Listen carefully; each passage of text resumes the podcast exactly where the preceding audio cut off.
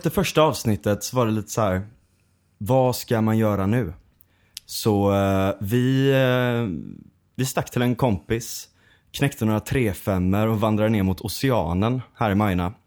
Och på vägen så, så cyklar Håkan Boström förbi.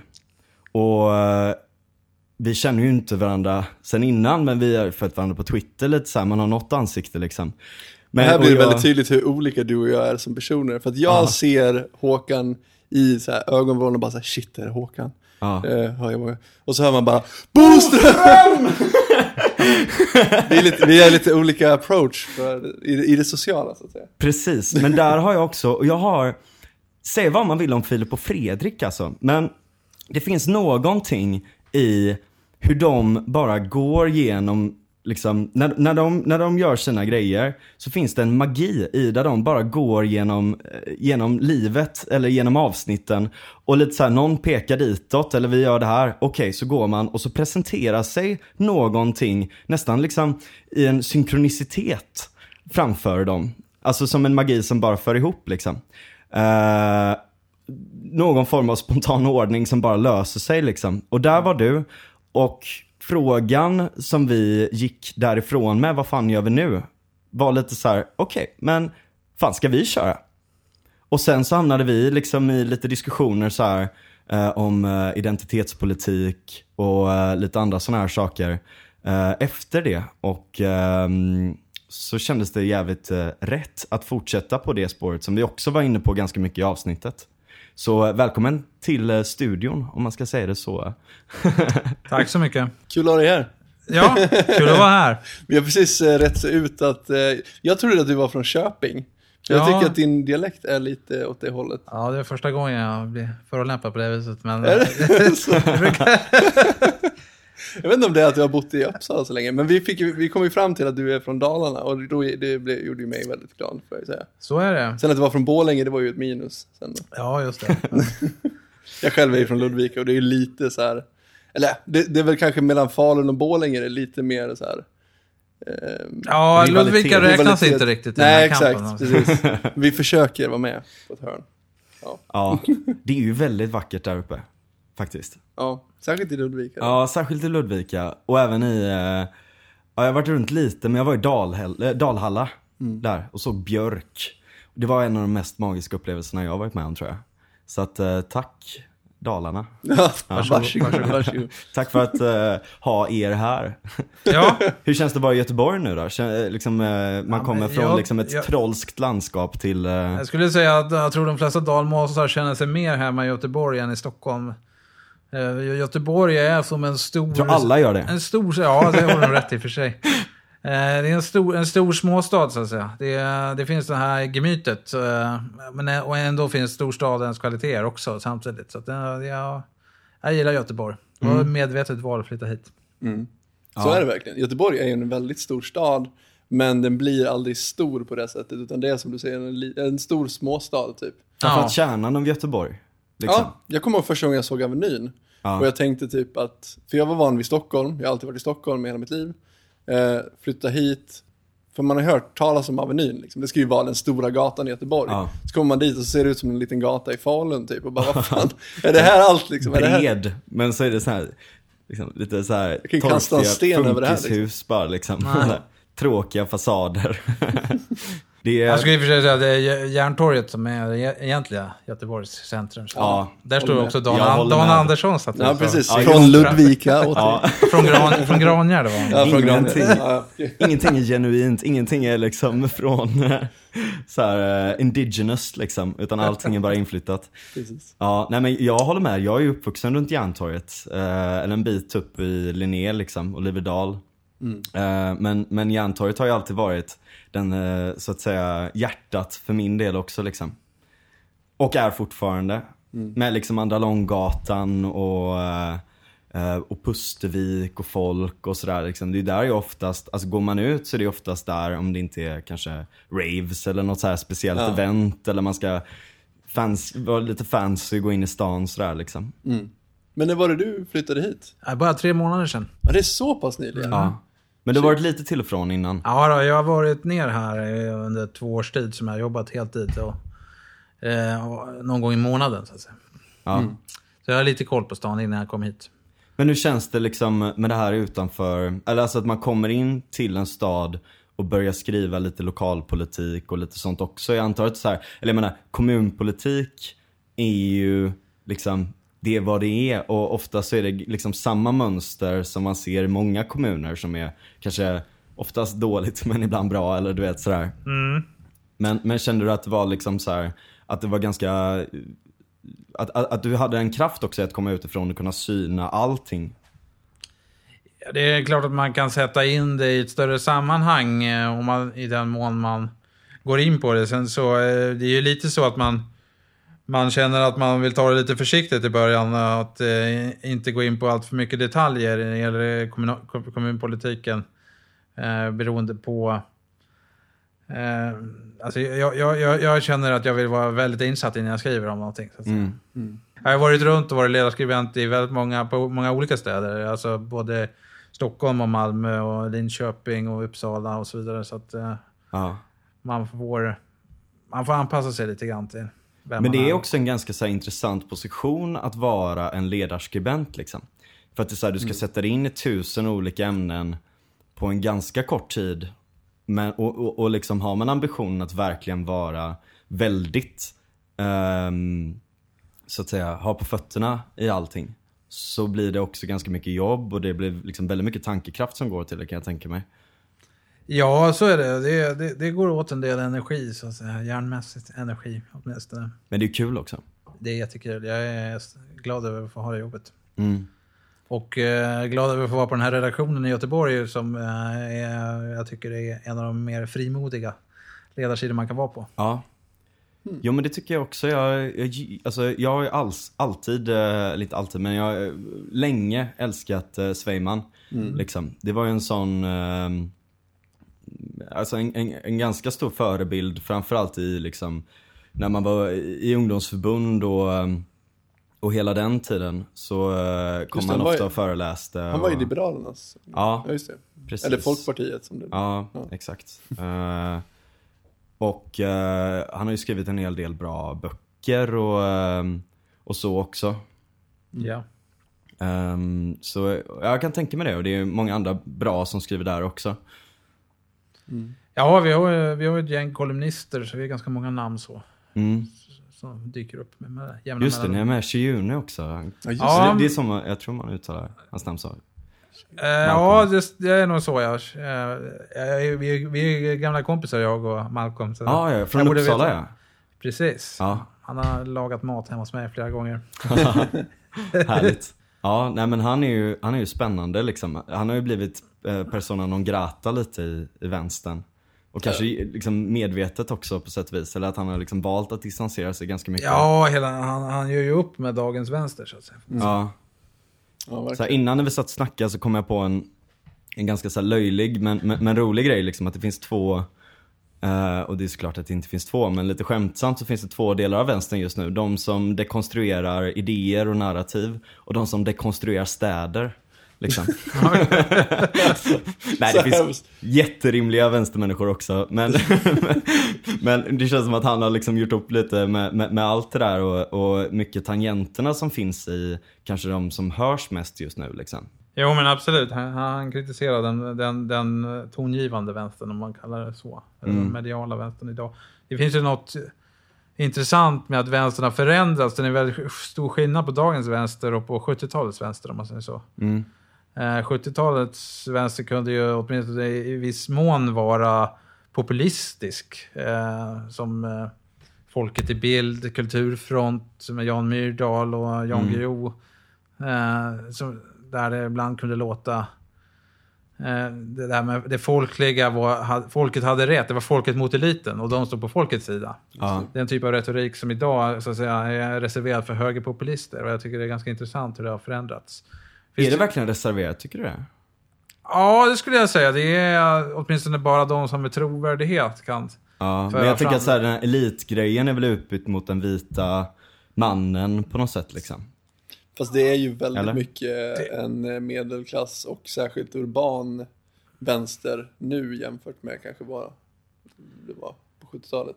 Ja, både, ja alltså, även den tidigare 68-vänstern om man säger så var ju baserad i medelklassen. Ja, ja. Jo. Men man hade, den var mer romantisk om man får uttrycka sig så. Då. Eh, Medan dagens vänster är väldigt akademisk. Eh, även i sitt uttryckssätt. Mm. På ett annat sätt. Eh, och eh, framförallt inte systemkritisk. Och det har ju skett rätt snabbt. Alltså den var ju det för bara 20 år sedan. Jag skrev om det här om dagen. Eh, där mediekritiken kunde vara en vänstergrej så att säga. Där man kritiserade rapporteringen. Medan idag så är det snacket om fake news och så vidare. Det kommer, det kommer från vänstern. Eller, eller åtminstone från någon slags mittfåra och vänsterut. De som har plattformar och Dagens Nyheters kultursida är ett bra exempel på det. Så att säga. Man, man, man hamnar väldigt ofta på etablissemangets sida. Mm. Medan det finns en, eh, den här mer populistiska högern som då har tagit positionen av att företräda folket. Sen kan man diskutera i vilken mån man gör det och så vidare. Ja. Men det är någonting annat. Utan här är det mer hur den retoriska spelplanen ser ut. Ska jag säga. Mm. Ja, Det är väldigt intressant. Också lite det här med att man har jobbat kanske ganska hårt på att få, alltså lite det här Gramsci-aktiga, liksom marschen genom institutionen, att man har tagit över ganska mycket av det mediala, alltså massmediala. Eh, byggt upp starka plattformar där. Men nu har man kommit till en, en punkt där det är liksom helt plötsligt väldigt många, eller alltså när YouTube kom så, så fanns det redan så starka aktörer att det kanske var svårt att konkurrera. Så därför så var det många i högen som gick in i de här nya plattformarna, typ YouTube eller alternativ media ja. eller alla sådana saker som har blom, blomstrat upp ganska mycket nu på sistone liksom. Ja, man kan, alltså när, när internet slog, eller sociala medier slog igenom ska man kanske säga, så var det mycket skriverier om att eh, det här, från, från vänster håll, även från liberalt håll, om att det här var så väldigt bra. Det här, skulle fördjupa demokratin och en del pratade om att kunna ha folkomröstningar hemma framför datorn om allt möjligt. Och Det var mycket, om ett går 15 år tillbaka i tiden så var det här det, det dominerande paradigmet. Sen visade det sig att eh, de här personerna framför datorn var rasister. ja. Men jag tycker det är, det är, det är Fan intressant också. att man hade, det är framförallt till att börja med intressant att man hade den här föreställningen om att eh, det bara skulle komma gott ur det här så att säga. Ja. Eh, eller rättare sagt gott i meningen att folk ska tycka som de själva. Mm. Eh, det var ju också så när man inrättade de här kommentarsfälten på tidningarna som man tiden senare ofta tog bort eller började moderera. I början så modererade man knappt. Liksom. Så Det fanns en väldigt naiv syn på, eh, som lite grann tyder på en slags detachment från Ja. hur det ser ut ute i samhället. Mm. Hur kommer det sig att det var så då? Alltså hur kommer det sig att det fanns en diskrepans mellan den här upplevda bilden av eliten, av, av folket så att säga. Att folket skulle få en röst och det skulle vara mer i linje med vad vi tycker, men så blev det helt tvärtom. Hur, hur kunde man inte se det komma? Ja, det, I viss mån tror jag det fanns det synen då. Inom, eh, den fanns ju in på 90-talet den, inom vänstern att man företrädde folket. Ja, Eh, Och så, utan att veta om att eh, folket hade, inte tyckte så. Då, så att säga. Och sen kan jag tänka mig att det också fanns en del personer som, inte hade, som helt enkelt inte hade koll. Mm. Ja. Eh, sen är det klart att jag menar, när man säger folket, så det är de som är aktiva på sociala medier idag är förstås inte nödvändigtvis representativa för gemene man sådär. Men, men det är de som är missnöjda, om man säger så, bland folk i, i allmänhet. Eh, Det är, de, det det är så missnöjet ser ut, Mm. om man säger så. Men där är det inte så konstigt heller liksom. För ofta så kommer man till den här frågan. Hur kommer det sig att det är så polariserat i dagens läge? Hur kommer det sig att vi har de här stora konflikterna? Hur kommer liksom åsiktsbubblor, alltså liksom diskussionerna runt åsiktsbubblor, hur kommer det sig att vi har fått det? Är det bara på grund av algoritmer? Det ena och det andra och det tredje sådär liksom. Eh, uh, och, och, och liksom många ställer sig frågan, hur hamnade vi här? I allmänhet liksom, men det är egentligen inte jättekonstigt att så här, på liksom inom loppet av typ 10 år från 2007 när folk började få iPhones och hade det konstant i fickan hela tiden. Plingandes notiser och folk som hade fel på internet. Du vet, Ja, alltså hela den här grejen liksom. Och hur, ehm, liksom att det kom till den här graden att det blev att det blev eh, polariserat och att det blev eh, så polariserat som det blev. Mycket liksom folk som är, eh, missförstår varandra med mening ibland, ibland inte med mening.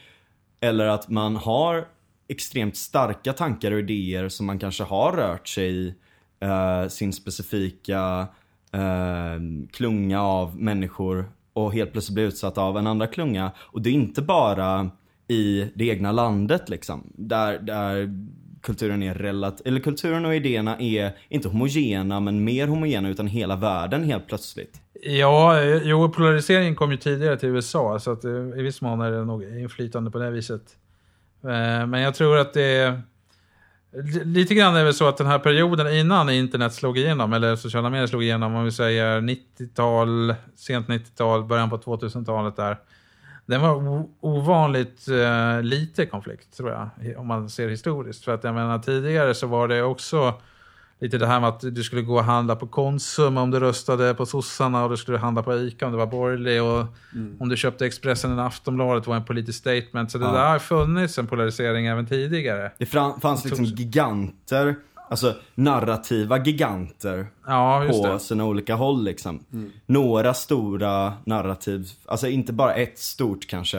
Eh, för för jag, jag har lite svårt att köpa den idén om liksom att modernismen bara var ett stort narrativ. Eh, I viss mån var det det, men det fanns också subkategorier till det. Från olika håll liksom. Ja, det fanns en stark konflikt mellan höger och vänster även tidigare. Ja, absolut. Ehm, Sen, sen så skulle jag säga att det, det, framförallt då när socialismen var ett levande alternativ. Det som hände lite grann med murens fall var väl att sossarna blev folkpartister i någon mening. Eller liksom, och att, eh, det var en period där då det var en slags liberal hegemoni i bred mening.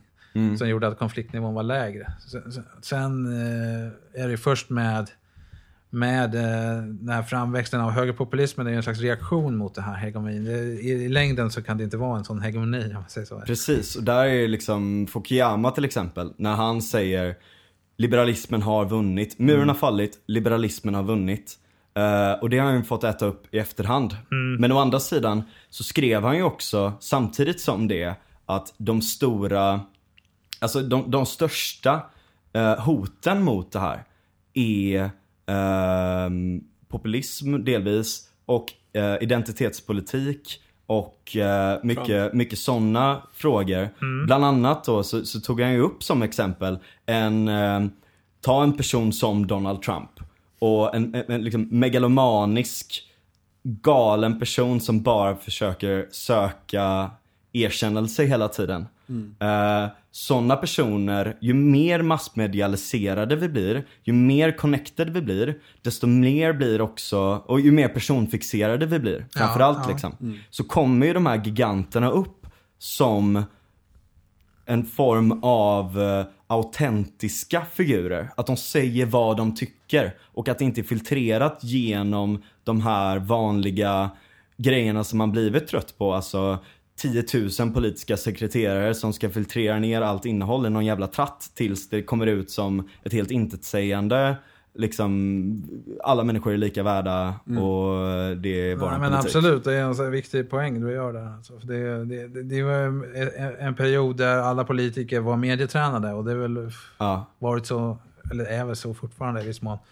Eh, och då blir det plötsligt ett utrymme för den som, som vill vara, kan, kan vara autentisk. ja. Precis, han, han är den första som kommer in och säger någonting på riktigt. Alla andra bara så här stått och rapat massa skit egentligen. De säger vad som förväntas av Ja, dem, eller rättare Precis. sagt att de försöker lura folk Ja. att säga saker på ett sätt som är på ehm, som, som, som de förväntar sig att de vill höra och sådär liksom. Men å andra sidan, Men det kan ju också vara det att... även de autentiska, så att säga, pseudo-autentiska personerna kan ju också spela på det här. Det ser man ju väldigt mycket i dagens läge, många politiker som, eh, eller många liksom opinionskrafter så att säga som manipulerar snarare de, den här autenticiteten till liksom, kolla jag säger, jag säger det jag tycker, jag säger det jag tror och inte en jävel ska komma här och filtrera det jag säger för att det här är genuint och det här är autentiskt. Även om det kanske inte är det, även om det kanske är en utarbetad strategi liksom. Och, och där är lite den här konstanta frågan också. Är Donald Trump till exempel, tror han på allt han säger? Eller använder han en viss retorik? Det är ju vissa som har liksom teoretiserat över att han bara tar den här rollen för att han vet att det är effektivt. Egentligen är han jättesmart. Jag betvivlar det lite. Men, men, men det finns ju andra exempel på, på det där också. Jag tror inte han är manipulativ på det viset. Däremot så är han ju inte... Alltså det är konstigt att kalla honom för genuin, för att han byter åsikt väldigt mycket. Och, men det han är genuin är väl just att han är... eh, Det är kaos på riktigt, så att säga. I, i den meningen att han... Han är inte tillrättalagd i alla fall. Nej. Och anpassar sig inte. Exakt. Och det, det har uppenbarligen räckt för att det finns så starkt missnöje i USA då med, med det etablerade systemet i Ja. övrigt. Så, och det, jag menar, Inte minst Man- nu när alla avslöjar sig en sån här, bara ett liksom en stor pedofilring hela tiden i princip. Ja, men, Satanistisk ritualgäng liksom. Ja.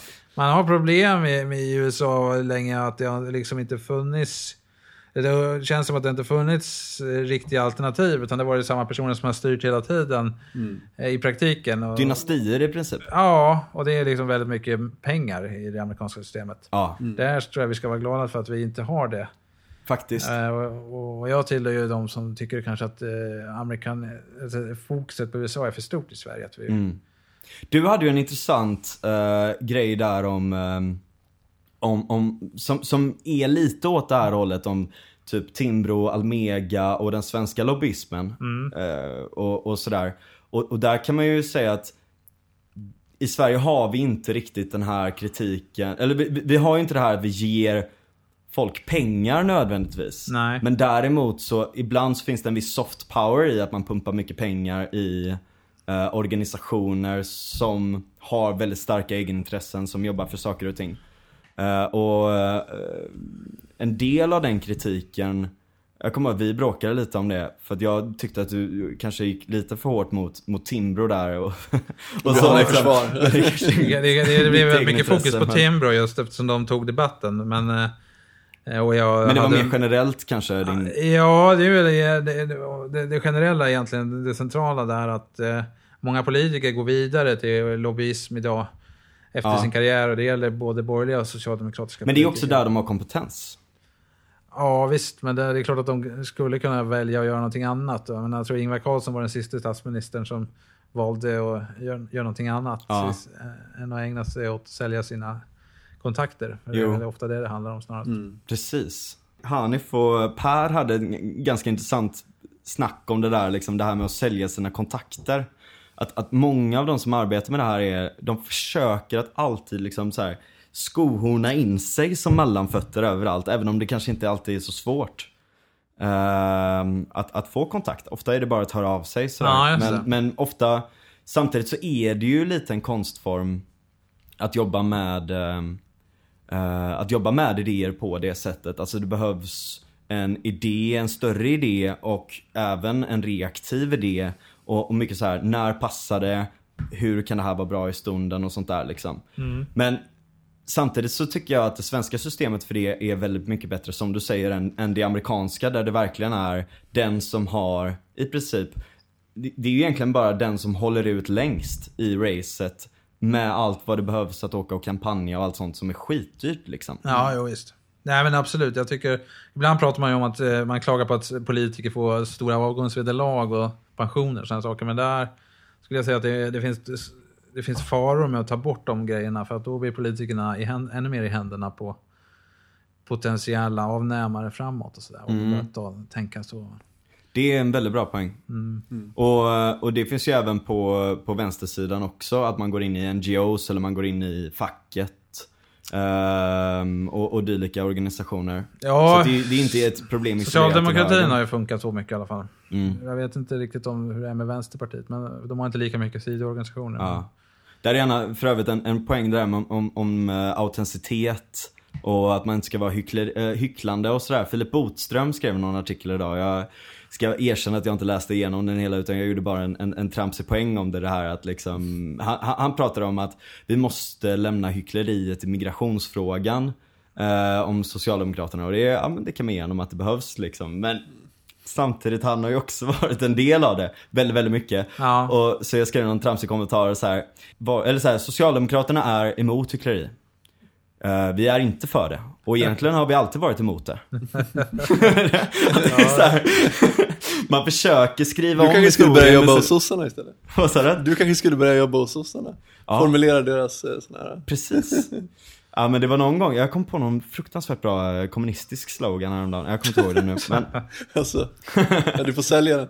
En, en bra opinionsbildare ska ju, ska ju åtminstone i teorin kunna propagera för vilken åsikt som helst. Ja, Alltså, ja, jag man ska, skulle nog, Man ska eh, åtminstone kunna förstå sin- sina meningsmotståndare. Precis. Och det är viktigt och där kan vi det är en, en bra väg in då på liksom den diskussionen som vi hamnade sen då med eh, på Twitter där med Kugelberg till exempel då.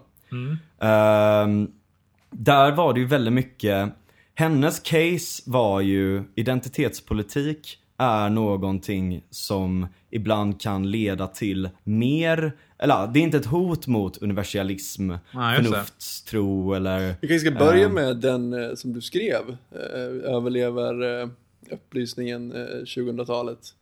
Och ha den som Mm. Ja, utgångs- ja det är ännu bättre. Berätta. Ja, hur, hur mår upplysningen idag? Hur skulle du... Ja, oj, oj. Det är bra att också staka ut det lite för våra lyssnare som kanske inte har plöjt igenom Ja, eh, precis. 10 000 böcker. Ja, ja, Vi kan börja ja, med jag det. funderar- Hur skulle du definiera upplysningen? Vad är upplysningsideal? Ska vi börja i den änden? Oj, vad- oj, oj, vad- det var enklare med Twitter. Men, Det är det alltid.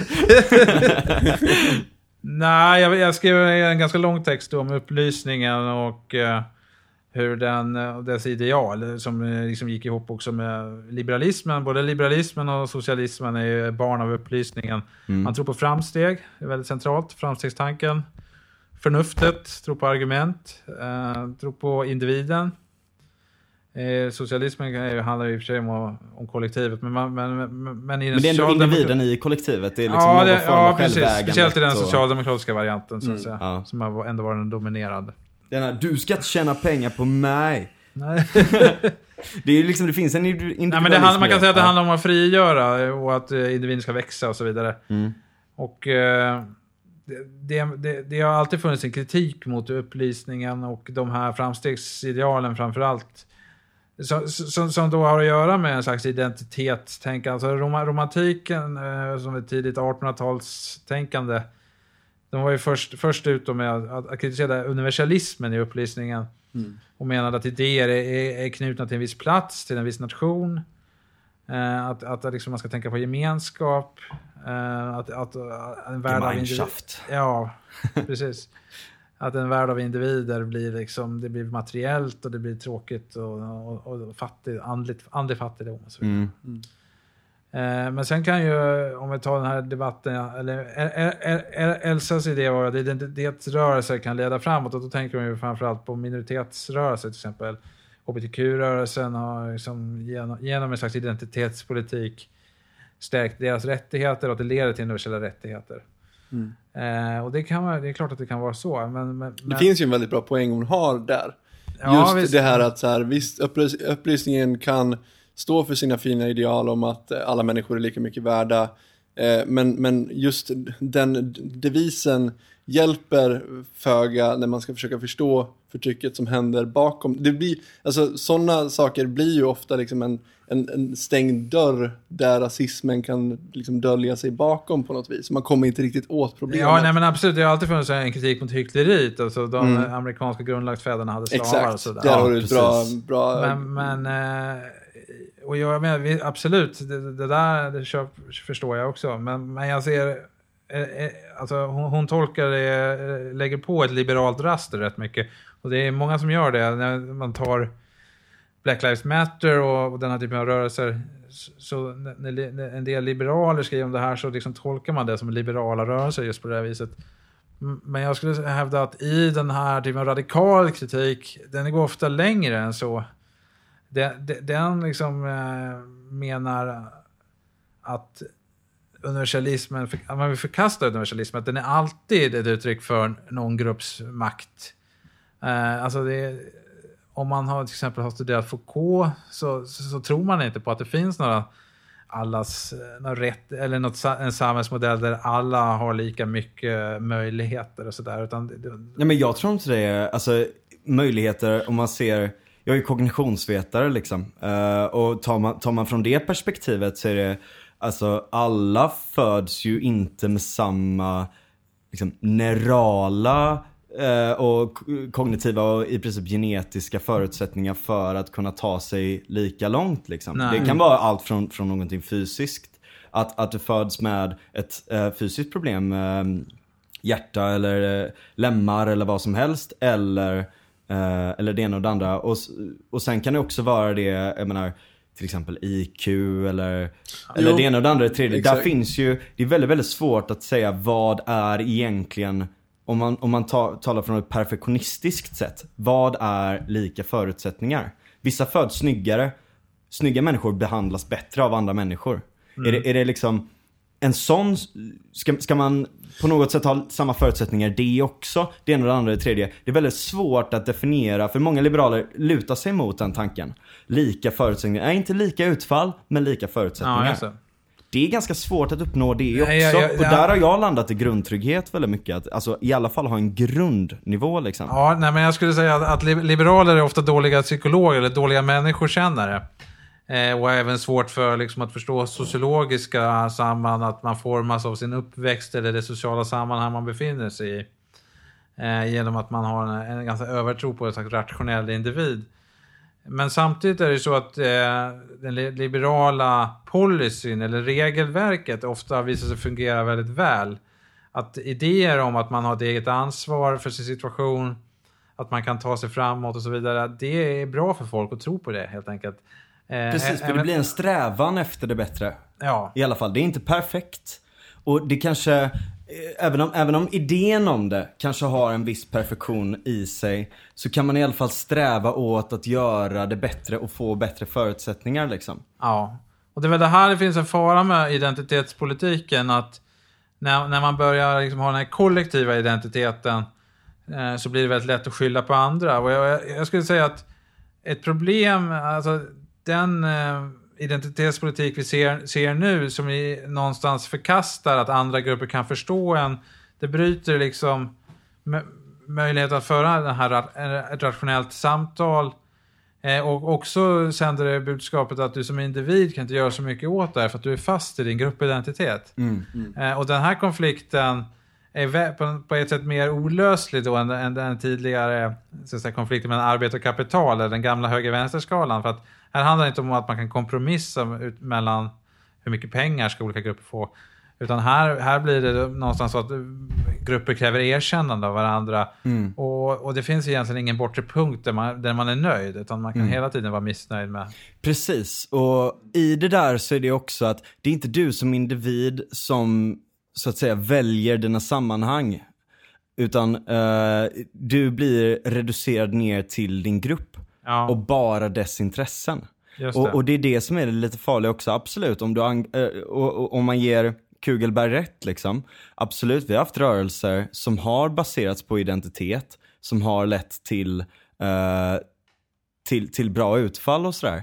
Men å andra sidan så har det oftast varit kanske eh, utfall som där den impersonella staten så att säga, den staten som inte gör skillnad på folk och folk, där den har misslyckats.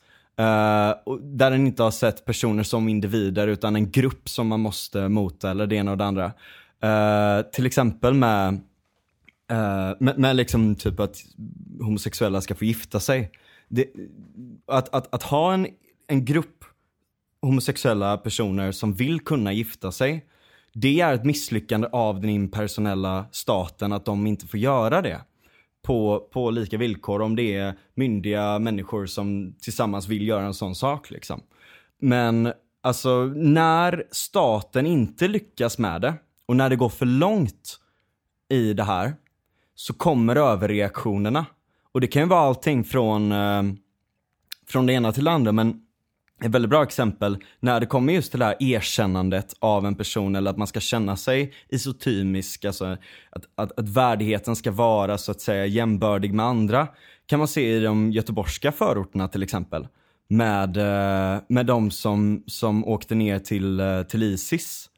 Terrorister som åkte ner till Isis. Att, att det är ofta andra generations invandrare som har vuxit upp i Sverige men som känner sig förbisedda. Och som känner att staten bara är liksom en byråkratisk kloss som ger dem lite brödsmulor.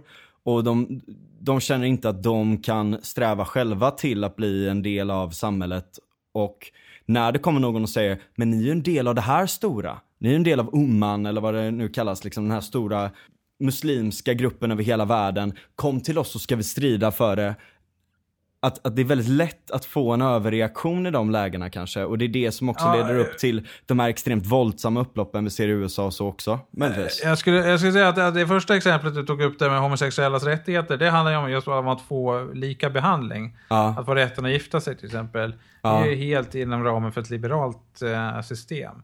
Men, men mycket av den identitetspolitik vi ser idag handlar, handlar, ju, handlar, handlar ju inte kanske om att man tycker att staten aktivt särbehandlar. För det här, den första idén om att man ska ha samma rättigheter, det är ju liksom Martin Luther Kings Mm. Ja. tänkande. Jag jämställer inte Ja, för övrigt exakt. vill jag nota bene. ja, men i laglig det, mening ja, så att det, säga. det, det vi ser idag är ju mer krav på erkännande som grupp. Eh, mot hur man blir behandlad. Det handlar ju, och det handlar ju om vardagen. Det handlar ju inte om formell juridik ja, i Mm. första hand. Utan att Nej. man ska samma rätt till jobb. Om det finns en skillnad i utfall i jobb till exempel så beror det på, alltid på diskriminering Ja. i det här tänkandet. Eh, Och det här har vi, det, det finns ju inom, andra, inom feminism också i vissa former och, det, och inom andra grupper, och etniska grupper och andra minoriteter.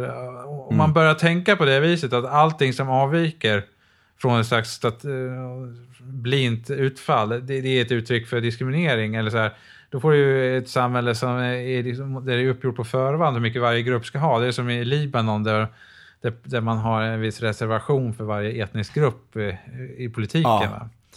Eh, och då har du ju lämnat eh, Exakt, och Afghanistan också Ja. är ju ett ypperligt, eh, eller Men då, ett, då, ett då, då, tragiskt då har du, då har du lämnat grund, grundförutsättningar för en liberal demokrati, ska jag säga. Ja. Och, och, det, och framförallt så tror jag att det, eftersom det väldigt sällan går att uppnå någon här perfekt balans, så kommer det, och det, och det, det är ju då teoretiskt möjligt om man pratar parlamentsplatser, men när det sen också kommer till erkännande och så här, det kommer ju aldrig, det kommer ju alltid vara så att man upplever att man är förfördelad. Ja. När det är sådana sån Och abstrakta där är saker också vi är det Känslor vi statens, pratar om. är det statens uppgift att lösa det? Och hur fan skulle de kunna göra det? Det är jävligt svårt, utan där kommer man in på sociala institutioner, kulturella institutioner eh, och, och, och allmänt liksom hur eh, man behandlar folk. Och om man låter det gå för långt i särbehandling kulturellt och socialt, då kommer det att leda till en kraftig motreaktion. Ja, kanske. visst. Ja, ja, Och det det, och det kan man ju ge dem ändå att så här, i USA till exempel, eh, att där har det ju verkligen på ett juridisk nivå varit en extrem särbehandling.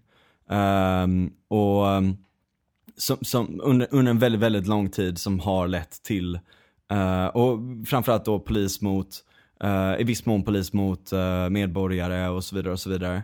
Um, där, där finns ett väldigt stort pro- problem med med det, att man kanske låter det gå för långt innan man faktiskt börjar ta tag i det. Men återigen som du säger, lika utfall om allting som inte är lika utfall. För det är ju liksom, eh, uh, man, man- kan ha principle of charity men å andra sidan så finns det ett väldigt stort problem i många delar av uh, den akademi det akademiska pratet runt det här eh, eller, eller den offentliga debatten i USA runt det här. Att alla uttryck som inte är lika utfall är, eh, eller alla, alla uttryck där vita ändå hamnar på toppen så att säga. eh, det är- är ett det- uttryck för white supremacy Ja, och rasism jo, och så vi- vidare liksom. Det, det leder ju också till att eh, vissa grupper som överrepresenterar asiater och judar vid universitetet. Ja, men de ska, skiter man i. Ja, De men, de, de, typ de, de, vita. ska man till och med minska på, så att säga, i det här. Så som Precis. det blir, va? Och det är en rasdiskriminering som är väldigt problematisk också. Ja. Absolut. Alltså jag skulle säga att det, det här idén om totalt lika utfall är ju lika utopiskt då som den här eh, kliché-liberala idén om att alla har lika möjligheter. Va? Ja. Det gäller ju att ha, vara pragmatisk eh, och, och, och, och framförallt inte institutionalisera konflikter mellan grupper Ja. tror jag, säger, i samhället. Men, men jag bara tänker spontant, alltså när vi importerar sånt, sånt här tänk till Sverige, eh, det kan ju kännas väldigt konstigt att göra det, för, för vi är ju väldigt olika länder, USA och Sverige. Eh, men jag Folk tänker, har flytt hit och vi har gett dem... Ja, precis. Men jag tänker Ja. ändå att så här, den här typen av tänk faller ändå i ganska god jordmån i Sverige som har kanske inte så mycket en klassisk liberal eh, grund, utan vi, vi är ju mer, alltså, eh, dels eh, rättspositivistiskt land på det sättet. Eh, så vi har ju liksom inte den här naturrätten som grunden i våran liksom, juridiska mm, process, utan vi har ju mer, det lagstiftaren säger är det moraliska, så att säga.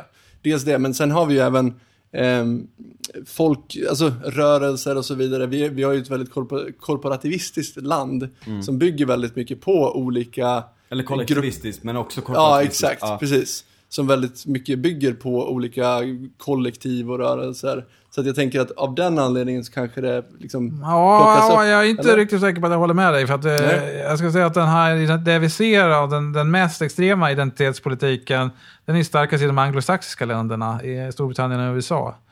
Eh, och det är ju då de mest så att säga, liberala länderna i grunden.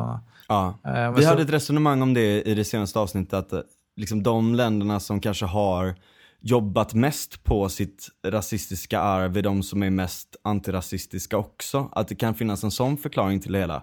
Att har man synat har man haft en tradition av att syna det väldigt länge så är det inte konstigt att de blir mer extrema även om de kanske inte är värst.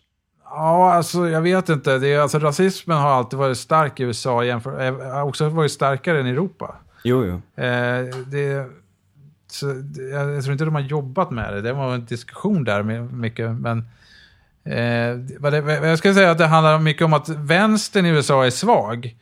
Eh, och då blir man fokuserad på den här typen av saker. Så I Sverige och eh, kontinenten eh, så, har det funnits den här universella idén. Har varit, stark. svensk socialdemokrati har inte varit ident- identitetspolitisk utan tvärtom försökt få bort olika typer av identiteter, lokala, så alla ska in i samma form. Eh, och fördelen med det, även om det finns nackdelar, så finns det också eh, en positiv sak är att man så att säga, har motverkat den här typen av identitetskonflikter. Eh, och, och där är ju, där är ju mer idén om att det ska vara generell välfärd, generella rättigheter. Va? Mm. Eh, så att eh, jag skulle säga att det, där, det här är svagare i Sverige, men det kan komma att bli någonting nu. I Sverige har också varit väldigt homogent, ska man komma ihåg. Ja. Eh, och och där tror jag att man behöver någon slags gemensam identitet istället för att ha väldigt mycket olika identiteter som ska ha jag, jag tror inte på en institutionaliserad mångkulturalism till exempel. Utan att Mm. det, det är klart man ska ha en respekt för olikheter men när man börjar göra politik av det så, är, så blir, leder det väldigt lätt till pro- problem. Ja. Men där är också lite ett problem som jag har tänkt på, för det var också lite din slutkläm i artikeln att identitetspolitik är, är, är mångfald på, eller mång, ja, så Mångkultur mångkulturalism på, på crack sådär. Ja. Att, att ibland så kan man hamna lite i den fällan att, att, att vänstern bara ser mångkultur som kanske de ytliga eh, grejerna av kultur, typ så här, Mat.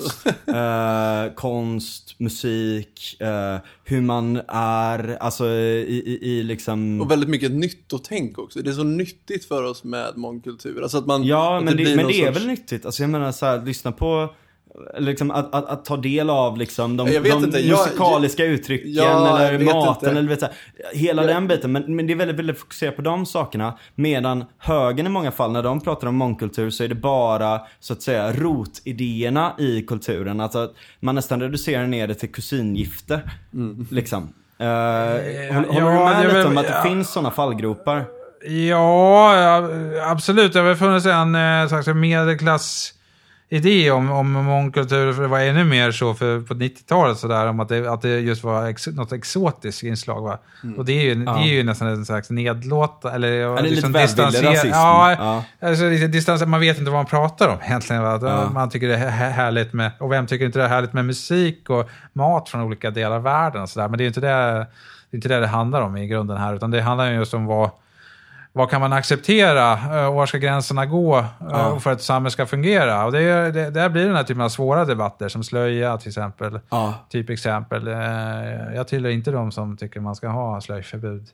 Men jag tycker att man inte ska visa sitt ansikte till exempel. Att man, man måste hitta... Ja. Vad, ja men där är det så jävla svårt också för... Men måste staten ja. vara den som, som bestämmer det? Alltså måste vi liksom, är, är staten det som, som ska vara det som, liksom, ja, som, som styr kultur, eller försöker styra kulturen? I någon viset? mening så måste nog, om inte staten går in, så, så, alltså det är det frågan handlar om. Liksom, vad, ska stat, vad ska man gå in och Ja. reglera? När det blir hederskultur, alltså när folk liksom bokstavligen mördas Mm. för att den har liksom skymfat familjen typ.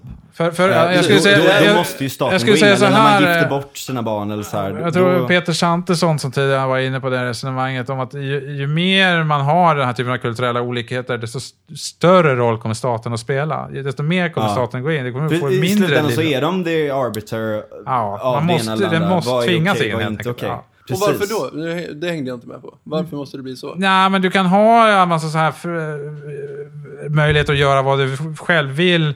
Individuella val, friskoleval och så vidare. Det är inga problem så länge alla är väldigt homogena. Mm. Och liksom de här val, de flesta gör ungefär samma val och det spelar liksom inte så stor roll. Men när Men det sen verkligen, när det blir på riktigt, ja, friskolor. Ja. precis. Ja, Religiösa friskolor är ett bra exempel. Liksom. Mm. När, när det börjar liksom bli skillnader på riktigt, då blir det plötsligt ett problem. Alltså. Ja. Och det säger väl någonting också om, om en viss... eh, Vad ska man säga? Den här fri, valfrihetsretoriken kan vara rätt ytlig. Liksom, när, när den, den funkar så länge folk ändå gör ungefär samma val. Jo. Men när det börjar bli, Ja, det- folk det börjar göra en- väldigt en- en radikalt annorlunda val, ändå, ja. så, så, så, så blir det problem. Men där är en sån sak också som också kopplar till ehm, problemen med identitetspolitik. Att eh, säg att du är så att du är stolt över din kultur eller stolt över ditt land, stolt över idétraditionerna och sådana här saker.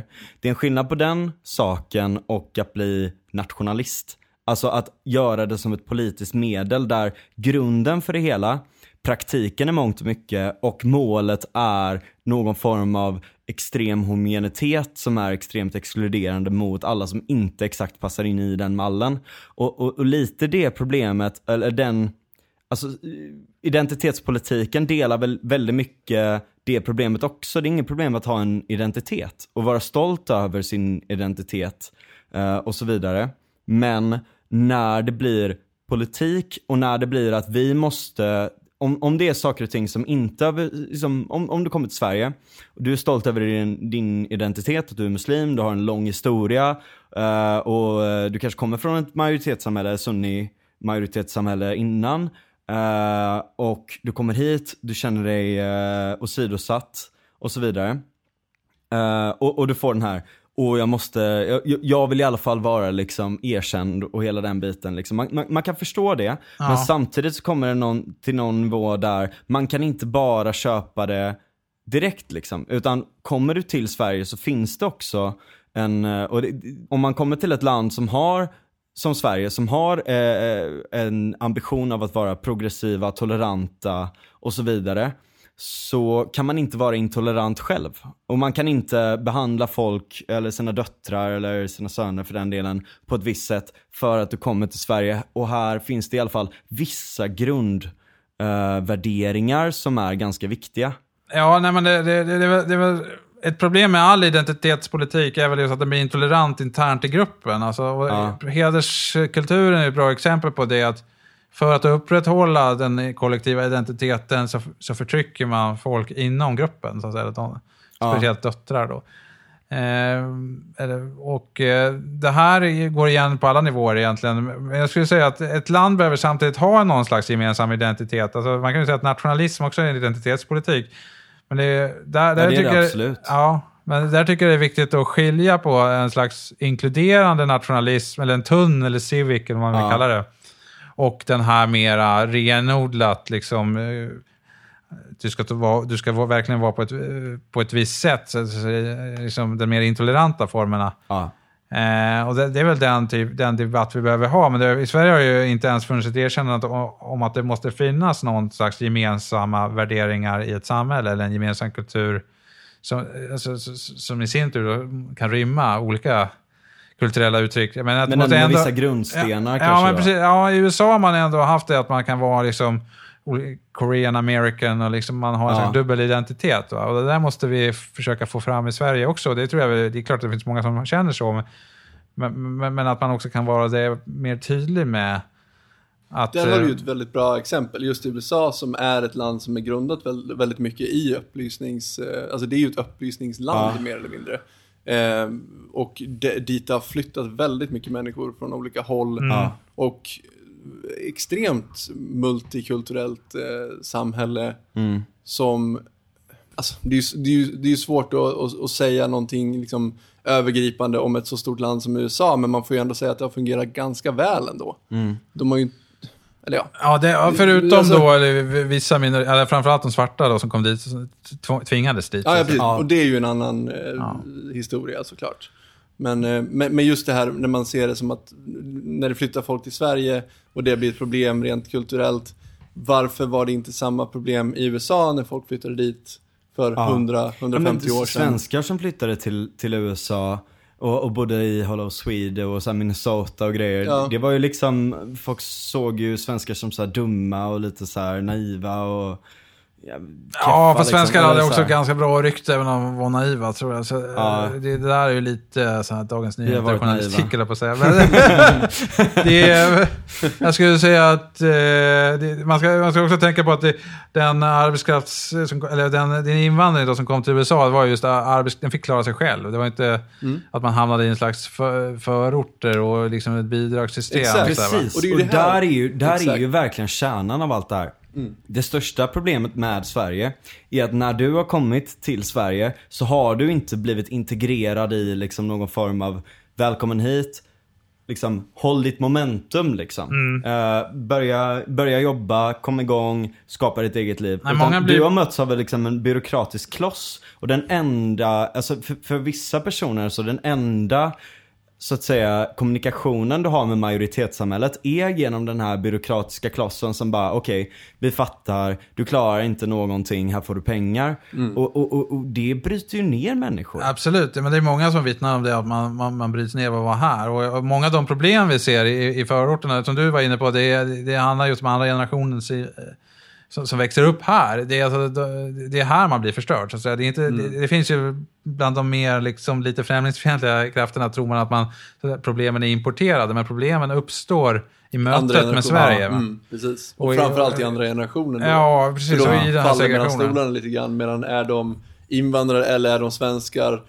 Jag, jag kan ha förståelse för det. För att deras föräldrar, som faktiskt var de som flyttade hit, de har ju gjort någonting med sitt liv och har en stark identitet. Jag kommer från ett annat land, jag har flyttat till ett annat land och jag liksom man kan förstå att en sån person kan få eh, en identitet i det, men deras barn sen som växer upp i Sverige, som kanske av majoritetssamhället ses som en utböling, eh, men samtidigt bland liksom, de, deras föräldrar och så vidare ses som mer svenskar. Så att säga. Man förstår att de faller mellan stolarna och kanske behöver söka en identitet och då kanske blir mer extrema i sina Ja, just det. Och den, den, som, den, som, den som har flyttat hit eh, är ju liksom, har ju gjort, gjort ett lyft också, ofta materiellt och Ja. levnadsbetingelser. Ja.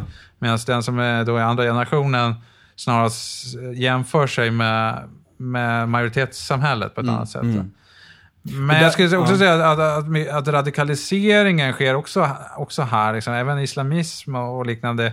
Det, det, nå- det, det uppstår i mötet med, med moderna västerlandet. Eh, Och så, så är det ju faktiskt också, också varit historiskt. Att det, är, det, är en modern förete- företeelse, den här typen av religiös fanatism. Det, det, är någonting som har, Ja. hör 19, 18, sent 1800-tal och framåt till. Mm. Ja. Men, men samtidigt, så, alltså, om vi var inne på det här med, med att det var enklare då att komma till USA för hundra år sedan. Eh, där vill jag också då varna för idén om att det är bara att liksom göra det, få, få, liksom sänka löner och avreglera så ordnar det sig det här automatiskt. Att vi, vi lever i en annan ekonomi idag. Eh, framförallt då att vi lever i en tjänsteekonomi där man, man, måste, man måste kunna språket, eh, man, man ska eh, kunna sociala koder. Det är mycket svårare. Det skulle vara, det skulle vara svårare även om man hade en helt avre, inte hade någon välfärdsstat så att säga. Det skulle nog komma färre hit, men, men, men, men, men, men det är inte Jo men där, att det där är lätt ju liksom grundtryggheten. Grundtryggheten ska ju, är, är, är jävligt viktig där. Att, att du ska ha en, en bas att stå på så att du också vågar ta risker. I viss mån. Att, att du vågar stretcha ut lite och om du gör det, alltså så, så hamnar du inte tillbaka, eller du, du hamnar inte längre bak än noll. På något sätt. Att eh, det, det är ganska bra att ha den grunden för folk ändå. Men problemet är kanske när det blir för mycket. Alltså att när, när man vägas in i en, en falsk trygghet som bara bryter ner en. Varje gång du går till SOS till exempel så måste du berätta om varför du inte kan arbeta och varför du inte Ja, jag, kan jag, göra någonting för att exakt. kunna fortsätta få bidrag och så vidare. Jag tror, jag, dels så tror jag på den grejen att, att det finns en fara i att vagga in folk i, i en, i en liksom passiv trygghet på det sättet. Eh, men sen köper jag inte riktigt den idén heller om att vi har en viss typ av ekonomi och folk som kommer hit utan utbildning kan inte göra någonting. Visst, de kanske inte får en anställning på Volvo eh, högt uppsatt liksom, i morgondag. Men i ett samhälle så finns det alltid någonting att göra och det är ju någonstans kreativiteten som sätter gränser för vad som behövs göras. Absolut, och där är det svårt att- också om man har väldigt, väldigt... Sen är det klart att så här, språk, absolut, så här, språk och allting sånt, det är ju klart att det, det, är, ju, det är ju en trappa att ta sig upp på för att Ja, överhuvudtaget fast jag, kunna... vänta nu, alltså, kreativ, det är inte bara kreativiteten som sätter gränser, det är, det är, Nej, nej. Det är också hur ekonomin ser ut. Ja, det är klart att du kan ha en massa folk som är vä- väldigt... Men i, i, utifrån dagens ekonomi så skulle de som kommer hit och inte har någon utbildning kanske bara ha gått fem år i skolan. Alltså, de, de kommer få oerhört Ja. lite betalt. Eh, Och du kan inte, då måste du sen ha liksom, då måste du förändra hela samhället rakt igenom så att det blir billigt att bo där, sämre bostäder, liksom billigare mat. Mm. ja, ja, så är det ju. Och det kommer att gå ut då över de som redan bor här, så att säga. Mm. Och eh, jag... Inte Ja, men, men ja. vänta. Mm. Det, det, det, det, det är en, en, total, en total avreglering. Alltså, det enda jag kan... Alltså, det, det, det så vill inte folk ha det. Alltså, det, är polit, det, är, det var politisk dynamit, liksom. Jo. Men, men, men det är också så att det är, ja, du får mycket problem med kriminalitet och annat då med om du har det stora klyftor. Menar, I länder som inte har, som har mindre välfärdsstat som England USA så har du ju väldigt starkt motstånd även mot arbetskraftsinvandring. Det ska man komma ihåg. Alltså, det är- Det har vi ju i Sverige i viss mån också. Ja, LO. fast det, det, den är ännu, den är ännu större där. Alltså, Jo, det attityderna, du får snarast mer rasistiska attityder Ja. när, du, när du har en mer avreglerad eh, arbetsmarknad. Du har en hårdare konkurrens då. Va? Ja, det, det är sant. Men å andra sidan, det, det finns ändå en, en, en viss del i det här att ehm, om det kommer folk till Sverige som inte har samma utbildningsgrad så måste man ju ändå så här rätta eh, ingångslönerna efter det i viss mån också. Ja, ja visst, det, det kan man, man tvingas till, men, men det är ju inte, det är inte populärt. Alltså, det, det, det, det har hela tiden varit en majoritet i Sverige som inte velat ha den här immigrationspolitiken. Och Men nu- är inte det väldigt mycket kulturellt? För att jag menar rent tekniskt sett, om det finns folk som, Säg att de eh, gångrar sin eh, levnadsstandard eller köpkraft eh, till, eh, nu, bara för att förklara köpkraftsbegreppet då. Hur mycket du lägger ner i arbete och hur mycket du kan köpa för det. Säg att du gångrar det med eh, 3-4 när du kommer till Sverige. Eh, om du kommer in på en lite lägre minimilön än vad vi har här vanligtvis. Då är det ju folk som utför arbete här så att det blir billigare. Och absolut, det kommer vara vissa personer som förlorar sitt jobb. Men de har fortfarande möjligheten att kunna söka ett nytt jobb. För att de har kanske en gymnasieexamen eller de har meriter från att ha arbetat tidigare så att de kan göra det. Och någonstans där, man ska inte bli för instrumentell, men någonstans så finns det ju en sån dynamik i marknaden ändå. Man ska ju inte totalt eh, liksom omyndigförklara eller liksom förneka marknadsfunktionerna. Eh. Nej, alltså det, det, det är klart att det finns en dynamik. Alltså, om, om, det, om folk kommer i jobb när de kommer hit så leder det till, till någon slags positiv effekt totalt. Men det leder också till ökade skillnader mellan de som redan bor här. Alltså det, det är alltid bra för de som har gott om pengar att det kommer en massa billig arbetskraft. Att om du är medelklass i många andra länder i världen, u-länder framförallt, då, så kan du leva väldigt bra för att du har en massa folk som städar hemma Men vilka är det som far illa av det egentligen då? Ja, alltså det, jag skulle säga att den svenska arbetarklassen är inte betjänt av det förstås. Nej men någonstans i det där så finns det ändå en, en, en, en viss progressiv kraft i att människor kan söka sig till ett bättre liv, skapa saker här. Du kanske inte tjänar skitmycket bättre Eh, uh, än, än liksom, eller du kanske tjänar mycket sämre snarare än, än, än många andra som bor här. Men är väldigt mycket bättre än att kanske bo i ett land som är krigsdrabbat eller har eh, en kleptokratisk stat som förföljer dem och så vidare och så vidare. Uh, så att för den enskilda individen, man kan se det på två sätt. För den enskilda individen att söka sig hit och få ett bättre liv så är det jävligt bra. Sen kan man ju diskutera, är det det mest effektiva sättet att bekämpa fattigdom i hela världen? Det, det är inte nödvändigtvis Nej. säkert. Eh, men, men, men ska man, det är liksom makro kontra mikronivå helt enkelt. Och om, om man ska se till individen så är det ju jävligt bra Och för arbetarklassen i Sverige, egentligen så blir det ganska bra också. Även om de förlorar en del jobb här och där, så kommer det att kanske bli bättre om, eh, ju, ju, mer, ju mer tiden går, så att säga, eh, i det här. Och det är ju en problematik som vi bara ser om, om, man, om man tänker att invandringen är ett problem idag, så är det ju ingenting jämfört med automatiseringen till exempel. Och vad det kommer innebära för jävla massa branscher där människor förlorar jobb. Ta alla lastbilschaufförer som blir automatiserade om Uh, jag vet inte, tio år, jag vågar inte säga någonting, men ni förstår vad jag menar. Alltså, ja, nej, men alltså... där, där, är det ju också den att någonstans så måste man ju ha ett system som är flexibelt för förändringar. Exakt. Ja, men nu måste jag få invända här lite. Ja. Alltså, det, Många saker att invända mot. Det går lite snabbt där. Alltså, det, allting handlar väl om liksom hur mycket folk som kommer hit. Det har alltid varit funnits en viss arbetskraftsinvandring till Sverige. Min egen far var arbetskraftsinvandrare till Sverige. Eh, och det är, ofta, det är klart att det har varit bra liksom, från vallonerna och framåt. Eh, men, men det är, rört sig om små grupper och framförallt om man har en arbetskraftsinvandring så är den organisk, att den svarar mot de behov som finns. Så det blir aldrig det här att det kommer liksom två, nu har det kommit två miljoner människor hit på ja, 20-25 år bara. Mm. Vi var åtta miljoner i det här landet för inte så länge ja. sedan. Det har gått oerhört snabbt, alltså ur ett historiskt perspektiv så går det inte att jämföra med tidigare invandring. Och, då, och eh, det är klart att det får sociala effekter, det får inte bara ekonomiska effekter, utan det får också effekter på hur, det, när det går väldigt fort så upplever människor sig hotade av det. Mm. Eh, och jag skulle säga att den ekonomiska effekten är trots allt inte bra för, för de som, har, eh, som, som, som, är mest utsatta på arbetsmarknaden, för att det blir en konkurrens om jobben. Det, det, det kan väl, alltså, vi har ett system i Sverige med, med fackföreningar och fasta anställningar mm. som gör att folk som kanske är på en konkurrensutsatt arbetsmarknad skulle inte ha jobb. Liksom.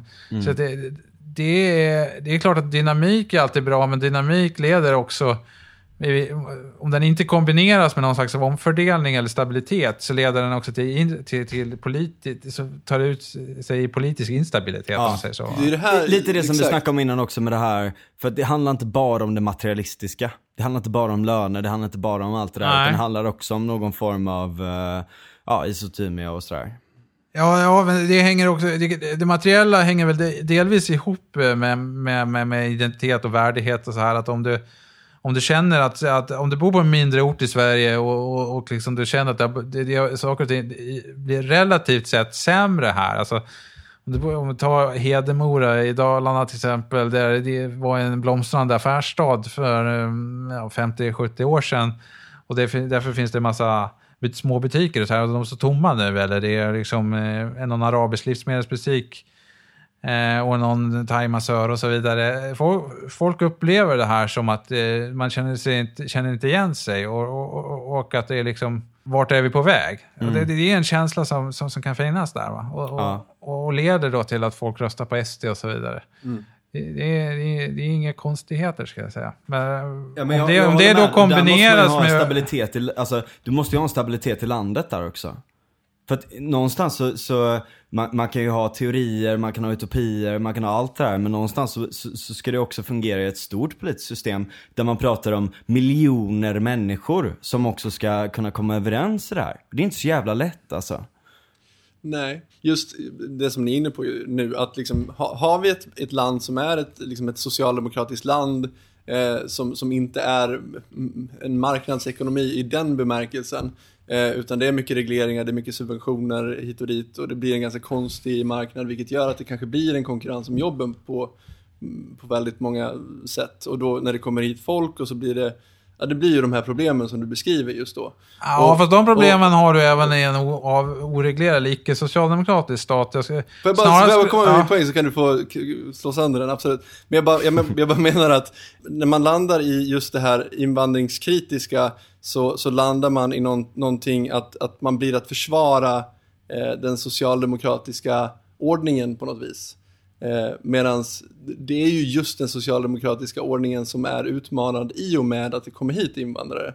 Eh, så, att, så att lösningen är kanske inte att stänga gränsen, utan lösningen kanske snarare är att avreglera. Ja, precis. Och Eller reformera. Ja, reformera och ja, avreglera det där, vissa den saker. låter som en ung centerpartist. Ja, jag vet. Jag, vet. jag, hamnar, jag hamnar lätt i det. Ja, men jag, jag bara lyfter upp det. Ja, men det är klart det ligger något Det i det. poäng, men, faktiskt. men, Ja. men jag, tycker, jag köper det inte riktigt heller. För att, eh, alltså, vi har haft en väldigt, som jag sa, en väldigt, stor invandring till Sverige. Och eh, jag ska säga att det, är de länder som just har haft en mer socialdemokratisk modell så har det större in, invandring, framförallt då asylinvandring. Medan du har haft eh, mycket mer restriktiv sådan i mer liberala länder. Alltså i de engelsktalande länderna till exempel. Det gäller även Kanada som ofta lyfts fram. Liksom. Man har väldigt Ja. fokus på kompetensinvandring. Där, liksom. Ja, exakt. Poängsystem har de. Ja, och... eh, här, så att du klassificerar det, in... det är väl utifrån, snar, ja. snarast så att välfärdsstaten har möjliggjort en sån eh, stor invandring som vi har haft, Ja. asylinvandring. Mm. Eh, och eh, har, har, man, har man en avreglerad modell så kommer du tvingas att ha en annan typ av invandring. Och den blir inte lika stor, som, eh, alltså det blir inte 20 procent. Alltså vi, den invandring vi haft i Sverige har ju per år varit större än, än den var, varit i USA någonsin. Även Ja. jämfört med när det var som mest eh, på 1800-talet. Asså, det är, ja, det är faktiskt galet. Det, Men, men hur- vad tänker du om asylsystemet då? Jag snackade med en person nyligen som pluggade rättsfilosofi. Uh, filosofi. Och så pratade vi om asylsystemet. Och jag sa att är det verkligen optimalt att man ska ha ett system som till synes säger alla som har skyddsskäl ska få komma hit. Men så sätter du liksom en, en jävla hinderbana med alligatorer och eldkastare på vägen. det är så vi har det. Ja, Ja, det, exakt, det är ju verkligen det. För att, för att ma- man har satt upp ett system att om du riskerar livet så om, du- om du klarar dig på vägen, om du betalar allting du äger till någon jävla flyktingsmugglare som är antagligen italiensk maffia eller något sånt här. eh, och, och liksom lyckas ta dig igenom hela den här labyrinten mellan länderna och allt sånt och väl kommer hit, då löser det sig. Är det verkligen det optimala systemet? Det känns extremt hycklande tycker Ja, jag. Ja, är det inte bättre att ha, att, att, att, att liksom omformulera det systemet egentligen till, okej, eh, Eh, man har liksom ambassaderna eller de som hanterar de här sakerna kanske utanför EU. Man, man bibehåller Frontex, alltså eh, gränsbevakningen. Och man ser till att liksom den oreglerade invandringen som också leder till en jävla stor problem att den, den så att säga kontrolleras. Men man ger möjligheten för de som verkligen har skyddsskäl att kunna hantera det typ via internet. Eh, som ett första steg och sen kanske genom någon form av, har du tagit förbi de systemen där så kanske du kan komma in på någon form av eh, personlig intervju i ambassader som inte är inom EU med någon form av avtal sådär. Och genom det sen kan du söka asyl. Ja, jag, tycker, jag tycker ju att Europa... Kanske kvotmässigt eller ja, så. alltså ja. Europa bör ge skydd eh, i form av flyktingläger för folk som verkligen är, flyr krig och personlig förföljelse.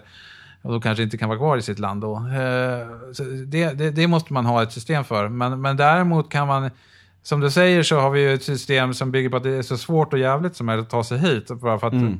upprätthålla den här principen att man ska, alla ska få söka asyl. Ja. Eh, och det, För, för det, att det, om man skulle det- överge det skulle det vara så jävla jobbigt liksom. Ja, den är, ju, väl- den är ju liksom, den skulle jag säga, det är inte moraliskt försvarbart, för det bygger Nej. just på att man ska, eh, vad vi, hur vi ska känna Ja. i praktiken. Eller att man ska upprätthålla någonting på papper. Ja.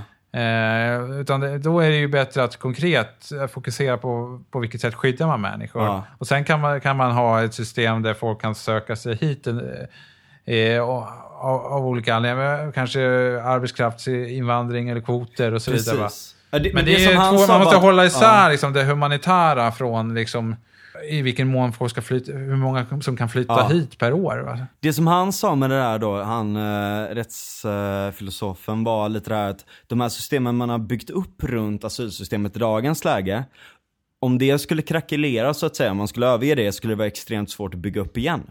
Och jag kan väl ge honom rätt till det i viss, i, i viss mån, men å andra sidan eh, så, så, så, så fan är det verkligen optimalt? Kan man liksom inte bara försöka? För just nu så funkar det uppenbarligen inte. Det leder till extrema slitningar i samhället.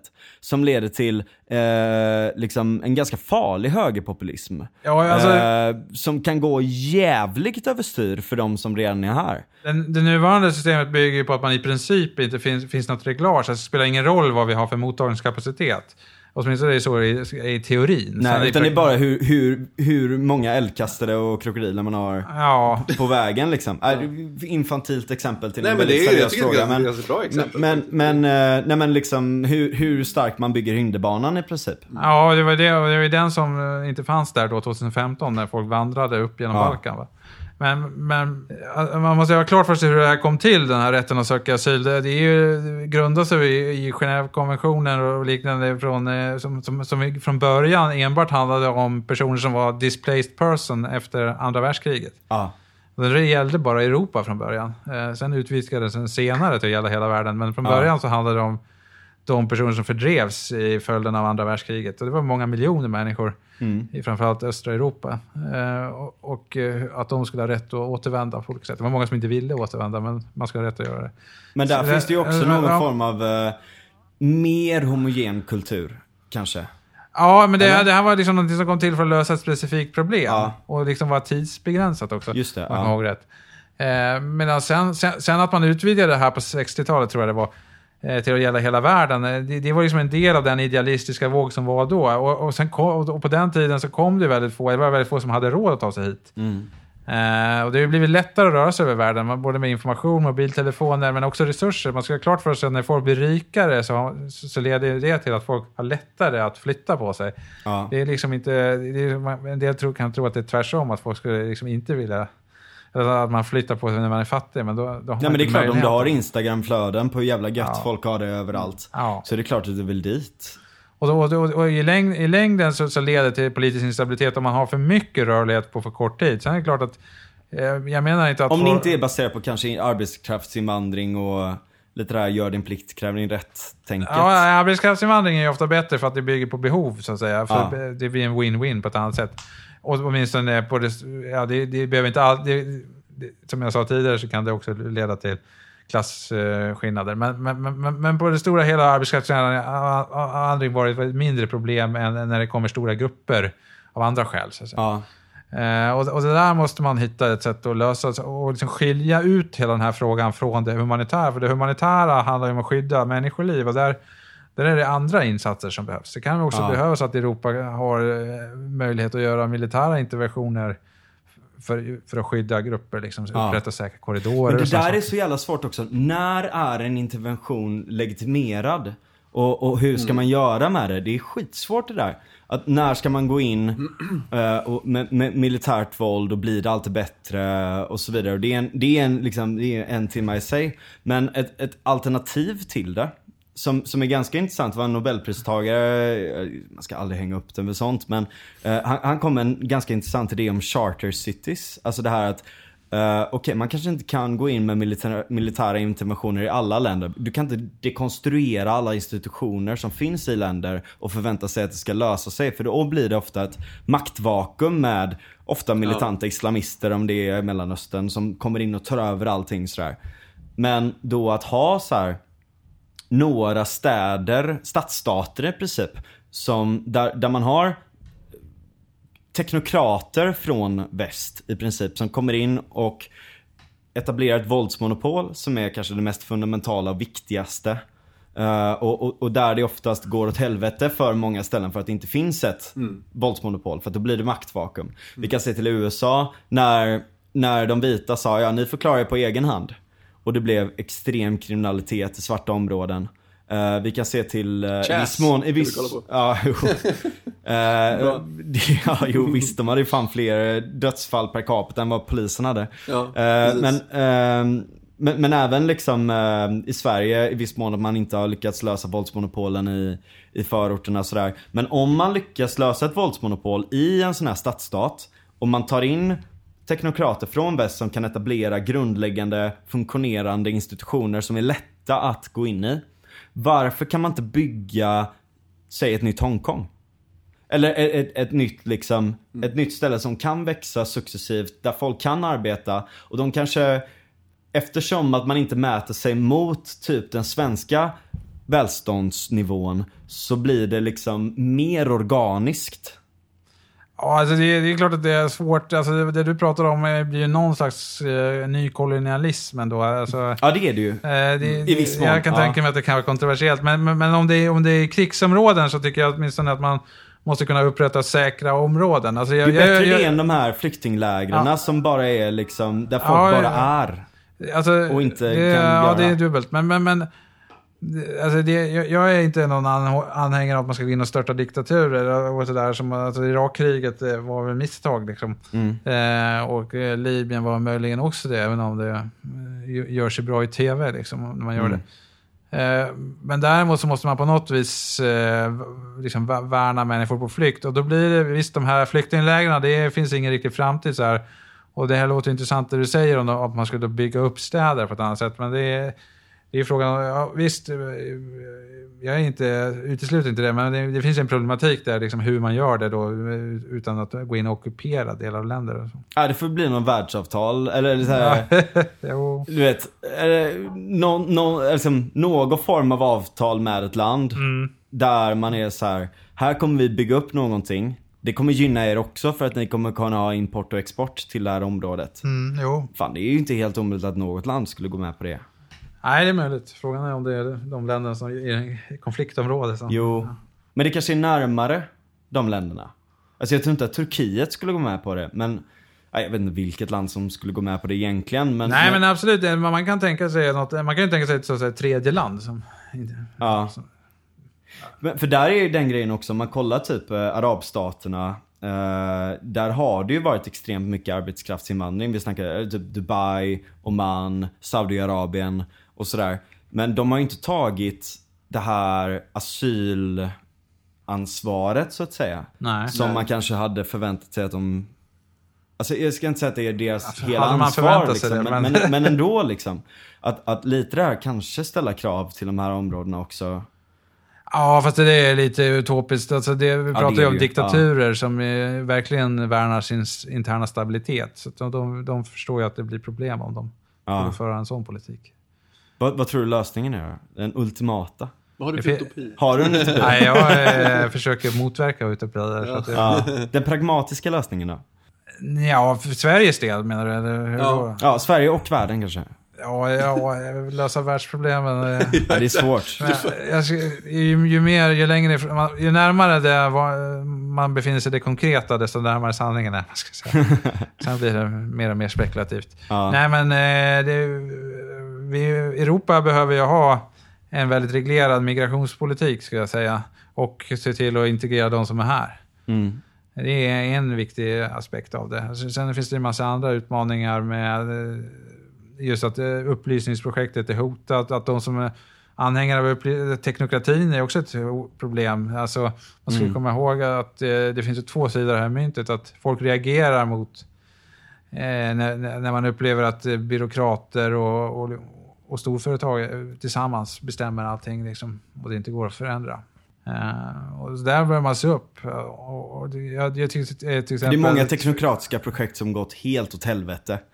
Ja. Och för den som vill läsa mer om det så kan jag rekommendera William Easterlys eh, The Tyranny of Experts and the Forgotten Rights of the Poor. Ja, till exempel. Bara sån Ja, passus. Ja. Jo, men det, är- det, det, det här det är inte bara liksom, socialdemokratisk ingenjörskonst. Jag menar, även euron som är så omhuldad av folkpartister är ett sånt här projekt som jag menar leder till att man tvingas till saker som inte riktigt är, går i takt med befolkningarnas vilja. Liksom. Mm. Eh, Så man, man ska, överhuvudtaget ska man vara skeptisk till storskaliga system. Mm. Och det där är ju... Ha en respekt för att public choice är viktigt ändå. Kanske. Ja, ja, men man ska ha respekt för att eh, saker och ting måste kunna förändras. Att det, det, sällan, det finns inga... Man ska ha flexibla system och institutionell konkurrens. Olika, eh, decentralisering tror jag är en bra grej. Liksom. Mm. Och att, att folk känner att de har någon slags, en, en viss kontroll över det samhälle de lever i. Mm. Stort tack Håkan. Ja, tack själv. Det var eh, otroligt trevligt att eh, diskutera. Vi- Det känns som att vi har gått igenom eh, Ja, hur mycket som helst. he- hela världens problem Vi här. skulle prata om upplysningen och det blev liksom... Ja men, Ja. det, men, men jag tycker att vi har haft en eh, intressant våg genom hela det här Ja, samtalet i många viktiga ämnen. och eh, kommit till eh, åtminstone en strävan, inte en perfektion men en strävan på vägen. Stort tack. Tack. Ha det gött.